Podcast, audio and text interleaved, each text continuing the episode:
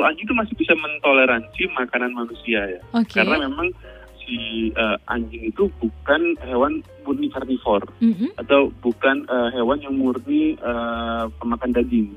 Oke. Bila dari struktur-struktur apa eh, giginya pun juga gigi anjing berbeda sama gigi kucing. Kalau kucing itu pure karnivor. Oh. Jadi memang makannya adalah makanan harus eh, berasal dari daging-dagingan. Oke. Nggak kucing itu nggak membutuhkan eh, apa kayak jagung, nasi Hmm, ya mm-mm. atau makanan berbumbu. Oke. Jadi memang banyak banget nih orang-orang yang masih ngasih kucing liar itu adalah nasi Nasi yang Padang di, gitu. apa ya dicampur nasi padang.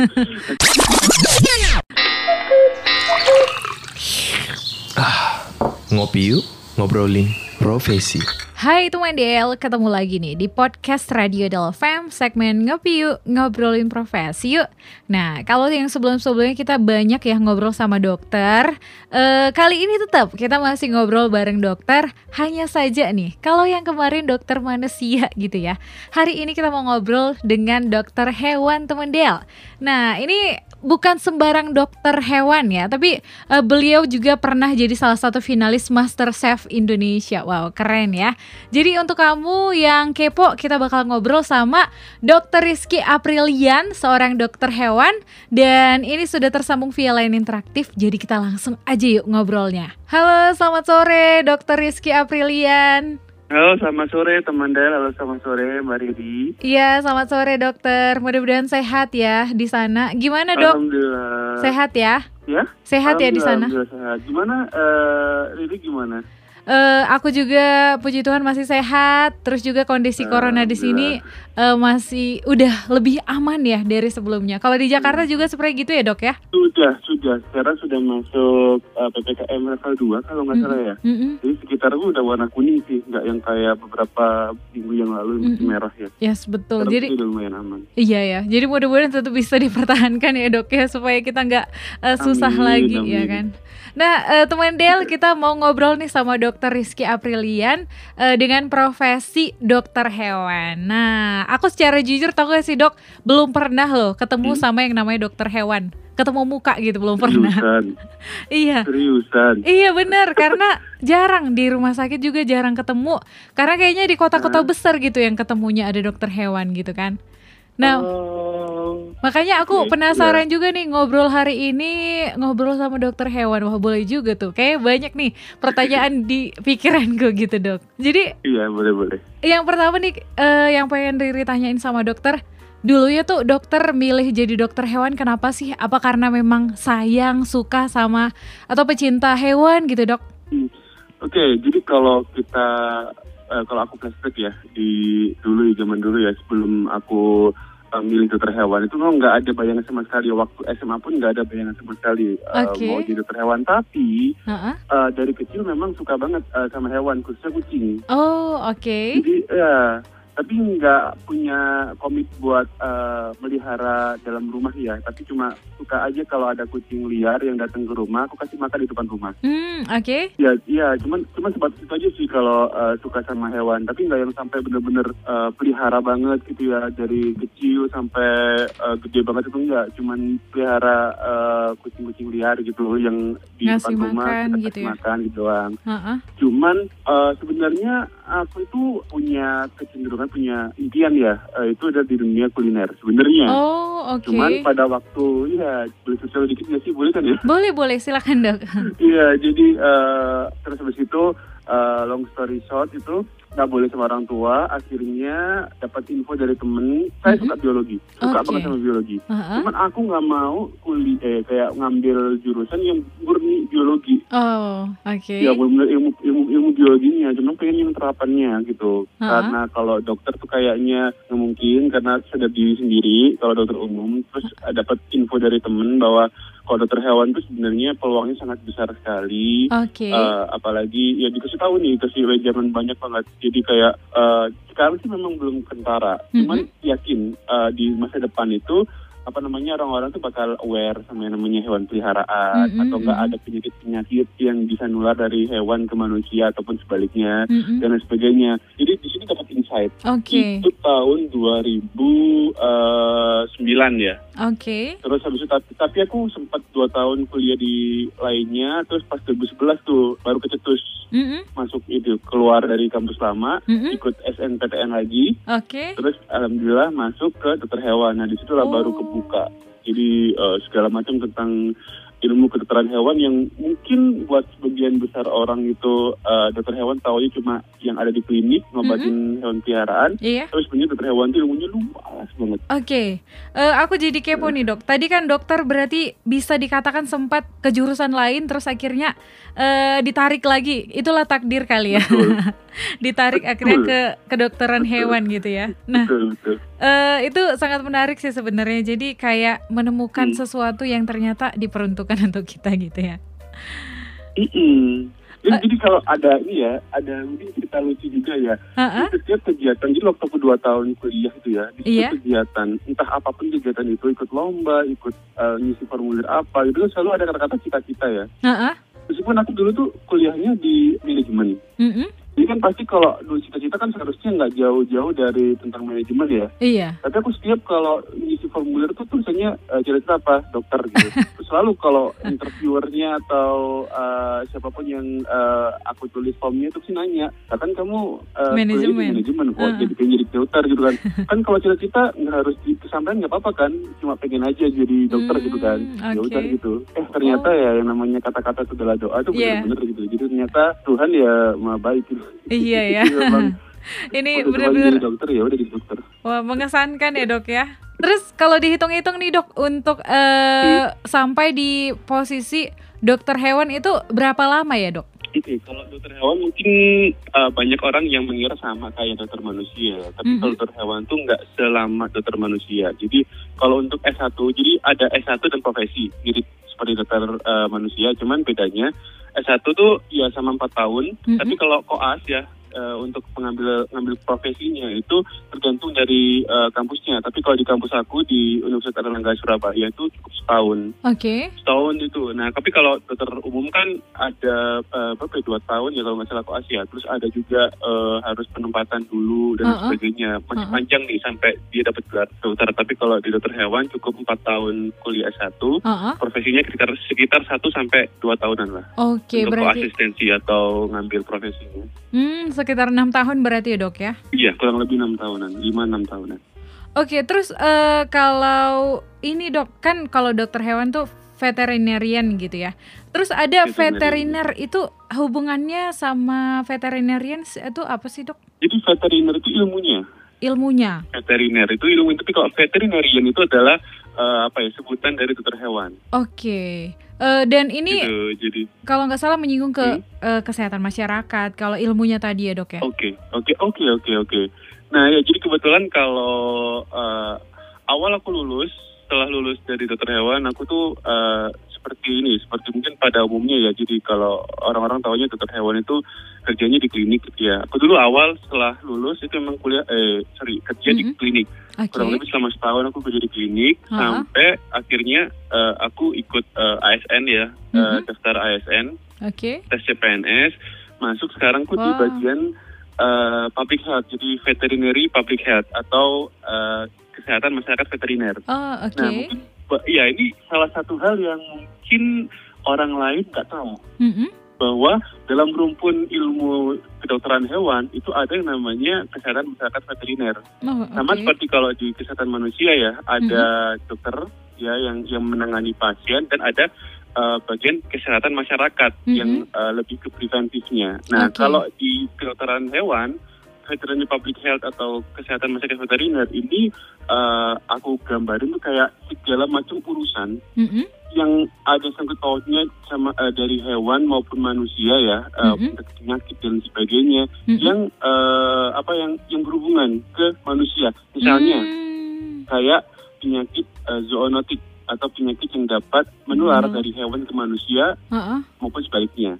Nah, Oh. Kalau sebagai penjembatan antara uh, kehidupan kesehatan hewan dan ke- kehidupan di kesehatan manusia. Ini ada kami, namanya di uh, Veterinary Public Health. Mm-mm. Orang yang profesinya di sini, gitu, eh, dokter hewan yang fokusnya di situ. Oke. Jadi kayak misalnya kalau yang sekarang ini bulan September ini itu lagi happening adalah Hari Rabies Dunia. Oke. Nah, penyakit rabies itu penyakit zoonotik, jadi penyakit yang dapat menular dari hewan ke manusia Uh-uh. melalui gigitan. Oke. Nah, diperingati tanggal 28 September. Hmm. Nah, ini salah satu penyakit yang zoonotik tadi itu. Nah, ini juga termasuk apa namanya yang urus ya, pengurusannya itu ada di kita, ada di Oke. eh, bagian kami, bagian saya maksudnya. Mm-mm, mm-mm. Itu terus apalagi gini, sebelum kayak setiap eh, masyarakat yang makan pangan asal hewan, Mm-mm, entah itu daging, telur, susu, madu, sarang burung walet, mm-mm. ataupun malah kayak eh, pet food ya, makanan hewan kesayangan, Iya. atau kulit ya, kulit itu buat entah itu buat kerupuk atau entah itu buat sepatu, jaket segala macamnya itu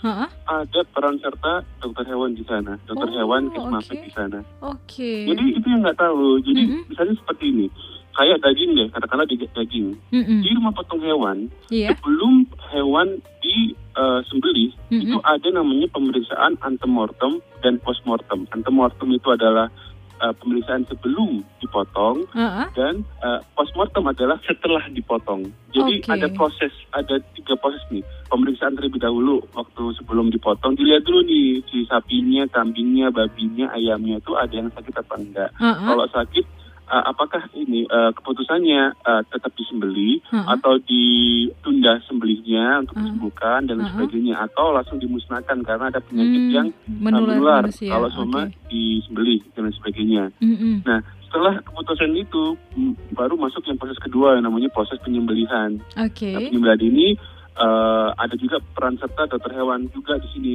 Mm-mm. untuk melihat kesejahteraan hewannya, terus eh, proses penyembelihannya seperti apa, halal dan tidaknya dan sebagainya. Nah, terus yang Hmm. ketiga baru postmortemnya. Postmortem itu kayak kita melihat apakah daging, jeroan dan sebagainya yang eh, ber- yang berasal dari hewan yang telah disembelih itu Mm-mm. apakah aman, sehat, utuh eh, untuk diedarkan ke masyarakat. Oke.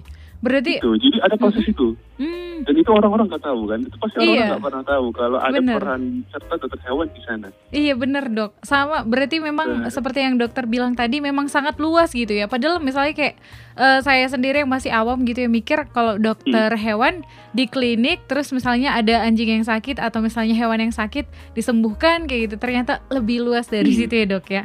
lebih luas lagi. Apalagi masih banyak lagi tuh yang eh, apa namanya eh, rumpun profesi dari dokter hewan. Ha-ha. Eh, ada juga dokter hewan karantina yang bagian eh, lalu lintas ya, lalu lintas entah, entah itu antar pulau atau antar negara supaya penyakit yang ada di luar nggak masuk ke dalam atau dalam nggak bisa keluar dan sebagainya. Mm-mm. juga ada juga ada juga yang eh, mungkin kalau sekarang ini lagi happening nih gara-gara ada corona Iya. eh, banyak banget nih dokter-dokter hewan yang jadi eh, masuk ke dalam gugus eh, penanganan covid Oke. ada dua Iya. dokter hewan kan yang masuk itu itu juga karena eh, mereka-mereka itu adalah virolog yang ada di eh, kedokteran hewan karena mau nggak mau memang eh, karena kita tahunya itu adalah awalnya adalah ini kemungkinan besar adalah zoonotik ya dari hewan yang menular ke manusia tapi Mhm. spreadnya eh, si virus covid ini eh, dari manusia ke manusia Mhm. nah jadi dokter hewan masuk di situ jadi Iya. harus eh, ikut pengkajian makanya masuk ke gugus covid Oke. ada ada juga virolog, ada juga yang eh, apa namanya tadi eh, hewan kesayangan ya, tadi Mm-mm. sudah dibahas, ada juga hewan liar. Hmm, Oke. Berarti bisa dikatakan Banyak lagi memang eh, di bencana mendunia ini pandemi ini corona eh, dokter hewan juga sebenarnya ikut riset gitu ya dok ya untuk eh, Betul, karena betul katanya. Karena, iya, dari kali lawar gitu kan katanya ke manusia iya gitu betul. ya dok Karena ya memang tersangka utamanya yang di awal waktu keluar itu kan memang dari kelelawar kan, makanya Iya. itu para dokter hewan yang memang eh, fokusnya ada di virologi, eh, imunologi dan sebagainya itu eh, langsung turun turun turun ke lapangan Hmm. untuk apa yang untuk research ya, untuk Oke. melihat apakah benar apa tidak gitu. Eh, dan sampai hari sekarang ini pun juga kira-kira masih belum ada ini. Sampai oh, sekarang pun masih belum ada keputusan. belum belum ada hasil ya dok ya Cuman kalau dari hasil dari uh, studi itu, Mm-mm. kalau COVID itu sebenarnya bisa nular ya dari manusia ke hewan, tapi belum uh, kayak belum ada bukti bahwa dari hewan menularkan manusia ke manusia Oh. si uh, COVID-19 ini. Manusia Virus yang bisa ke SARS-CoV-2 hewan ini. gitu ya dok? Hmm, jadi kan memang ada beberapa tuh yang uh, hasil ini hasil itu ya hasil tes Mm-mm. kalau hewan peliharaan yang yang punyanya itu adalah eh, itu eh, kena COVID Mm-mm. waktu di tes PCR ternyata terpapar. Mm-mm. Ada kan ada beberapa kasus seperti itu kan Iya. atau eh, seperti yang eh, di, Di- Macan atau Iya di taman dan, hewan ya eh, di kebun binatang. yang Ada di berita. singa. Cuman belum ada nih Hmm. bukti eh, yang dari hewan nularin ke manusia. Oh. Jadi makanya tuh kita lagi menggalakkan juga sih bahwa karena eh, COVID ini yang jadi fokus tuh bukan dari bukan hewan ke manusianya tapi dari manusia ke manusianya. Jadi salah satu Hmm. penanggulangan COVID itu adalah prokes itu tadi yang harus dipatuhi. Oke siap kalau Jadi gitu. nggak usah khawatir sama hewan. Iya, berarti masih aman gitu dek ya. Tadi kita udah Iya. ngomong banyak dan sekaligus juga dokter Rizky ini udah edukasi kita teman Del tentang cakupan luasnya uh, profesi seorang dokter hewan itu. Nah yang selanjutnya nih, yang Riri pengen tanya dok, uh, penyakit hewan apa nih yang bisa dibilang sedikit berat yang pernah dokter tangani? Oke, jadi kalau penyakit berarti kan aku flashback nih waktu aku masih eh, jaga klinik ya. Jadi aku dokter hewan eh, praktisi hewan kecil. Oke. Jadi sebenarnya ini kayak ada penyakit, kalau aku bilang itu penyakit, memang penyakit virus yang eh, mematikan buat Oke. eh, kucing ataupun anjing. Tapi sebenarnya itu sangat-sangat mudah untuk dihindari. Mm-mm. Jadi eh, menurut aku kayak pet lover, jadi atau orang yang pecinta hewan peliharaan, yang satu kucing atau anjing itu kalau memang dia merasa pet lover seharusnya penyakit ini nggak mungkin kena ke hewan peliharaannya mereka. Oke. Dan ini kayak ya penyakit kalau kalau ketika apalagi kalau musim hujan atau Uh-huh. musim pancaroba ya per- perpindahan antara musim eh, hujan ke kemarau dan sebaliknya itu Mm-mm. penyakit ini kayak ini kayak jamur Oh oke. Wih, apa namanya eh, nyebarnya cepat banget. Jadi itu penyakitnya tuh misalnya nih eh, ada penyakit namanya kita sebutnya triket kalau di kucing ya. Mm-mm. Eh, kalisi, rhinotracheitis sama panle. Itu Oke. penyakit ada kalau panleukopenia itu penyakit eh, di pencernaan, kalau eh, kalisi dan rhinotracheitis itu penyakit di pernafasan. Dan Oke. tiga-tiganya ini membunuh ya atau eh, bisa menyebabkan kematian dan sangat-sangat tinggi Mhm. eh, apa namanya kematiannya, kematiannya. Nah, sebenarnya ini adalah eh, seperti yang kalau kita tahu ya, kalau penyakit virus, eh, kalau mungkin masyarakat sudah tahu ya, orang-orang udah tahu kalau penyakit virus itu salah satu penanggulangannya adalah dengan cara vaksinasi, Oke. sama seperti COVID gitu kan, Mhm. untuk me- untuk mengurangi eh, potensi tertularnya. Di kucing dan anjing itu juga ada vaksinasi yang bisa menghindari penyakit-penyakit yang berbahaya ini. Oke. Nah, khususnya kalau untuk yang kucing ya, karena aku dulu memang setahun tuh eh, mayoritas pasien aku tuh kucing. Oke. Jadi aku eh, sangat familiar dengan penyakit ini gitu. Jadi Hmm. bahkan sampai hewan tuh masuk ke ruangan tuh udah ketahuan dari baunya itu udah kelihatan Oh. ah ini mah kena panle gitu kan. Ah, ini mah kena kena apa kena kalisi gitu karena dari aromanya itu udah khusus gitu. Hmm. Eh, nah sebenarnya itu kalau kucing eh, itu divaksinasi dengan rutin penyakit ini tuh kemungkinan besar tidak akan tertular Oke. atau kalaupun tertular gejalanya sangat-sangat minimal dan bisa sembuh. Mm-mm. Heeh, jadi eh, yang paling kasihan tuh adalah kalau kena eh, panleukopenia. Panleukopenia itu ada gejalanya itu diare, Oke. ya diare yang terus terus terus menerus sampai bahkan kalau sampai kalau sudah ini ya perjalanan penyakitnya sudah lama itu Mm-mm. Eh, karena menyerangnya di pencernaan, jadi si virusnya ini merusak sel yang ada di usus, Mm-mm. jadi eh, darah itu sampai itu sampai eh, sampai pecah pembuluh darah yang ada di Blooding. usus. Jadi makanya itu kalau diare pun juga diarenya diare darah.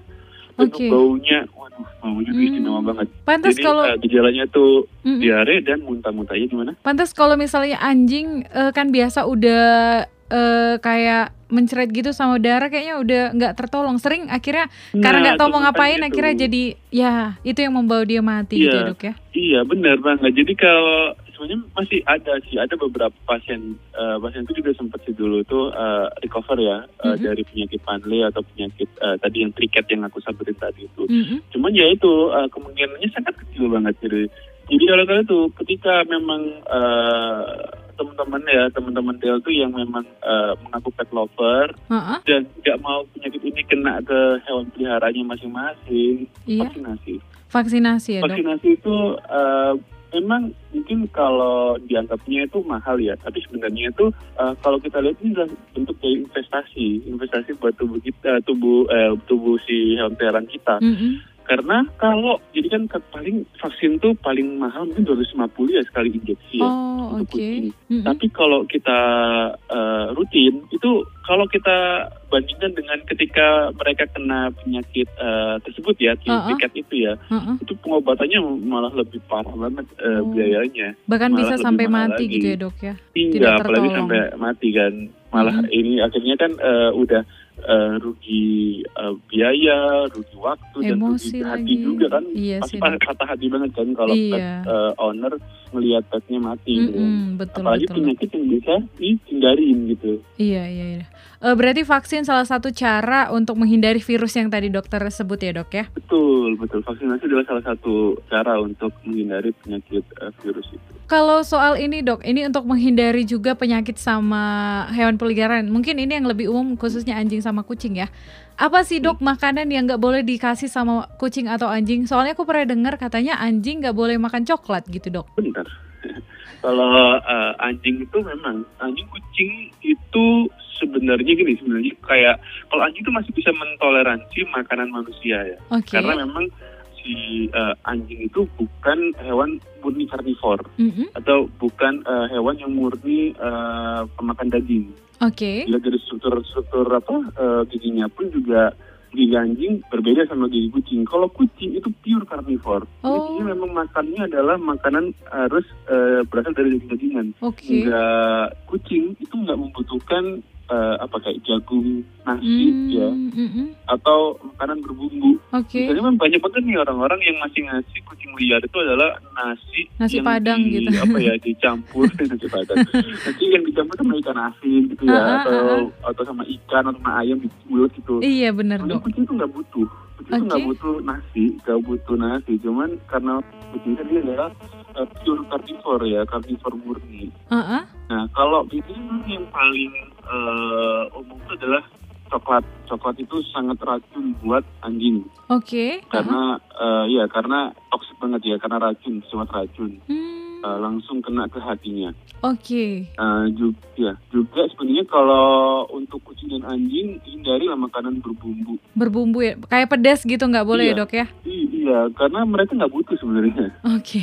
Mereka tuh nggak butuh uh, bumbu yang seperti kita. Jadi kayak uh, kalau memang sini ada beberapa sih kalau pet lover itu daripada beli makanan kemasan yang ada di luar ya, itu mereka lebih suka untuk membuat sendiri. Oke. Jadi uh, meramu sendiri Mm-mm. dan di sosial media pun juga banyak banget uh, yang me- apa ya me- men-share uh, resep-resep mereka gitu ya resep pribadi mereka untuk uh, kucing mereka atau untuk Mm-mm. anjing mereka gitu ya kalau aku kasih saran sih yaitu uh, apa namanya jangan dikasih bumbu Oke. cukup aja cukup kalau mau daging ya daging gitu Mm-mm. kan atau kalau kucing itu biasanya itu kayak apa ngerebus tulang-tulangan sampai Mm-mm. keluar kolagennya jadi dia masak sendiri tuh nantinya itu Oh. itu udah cukup itu jadi nggak perlu pakai tambahan-tambahan yang lainnya yang eh, nggak nggak nggak perlu gitu Hmm. kalau yang pengen bikin eh, makanan khusus kucing sendiri tapi sebenarnya Mm-mm. makanan yang ada di pasaran itu yang sudah ada di pasaran ya yang sudah eh, cat food atau dog food itu sebenarnya sudah bagus sih sebenarnya sudah ada formulasinya dan sebagainya jadi Oh. gantung dari kebutuhan.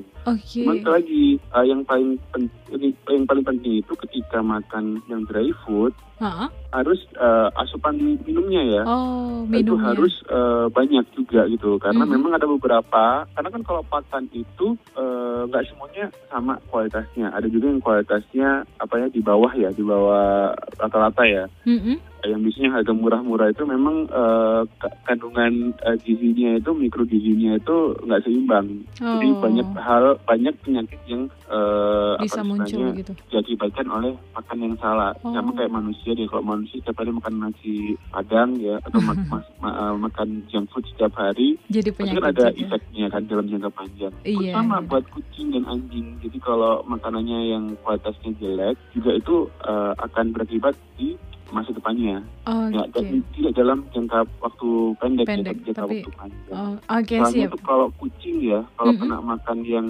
eh, murah ya kualitasnya itu biasanya itu Mm-mm. eh, terkena yang paling banyak banget untuk kucing jantan itu adalah terkena kencing batu. Oh, Banyak banget. kencing batu bukan cuma manusia ya dok ya?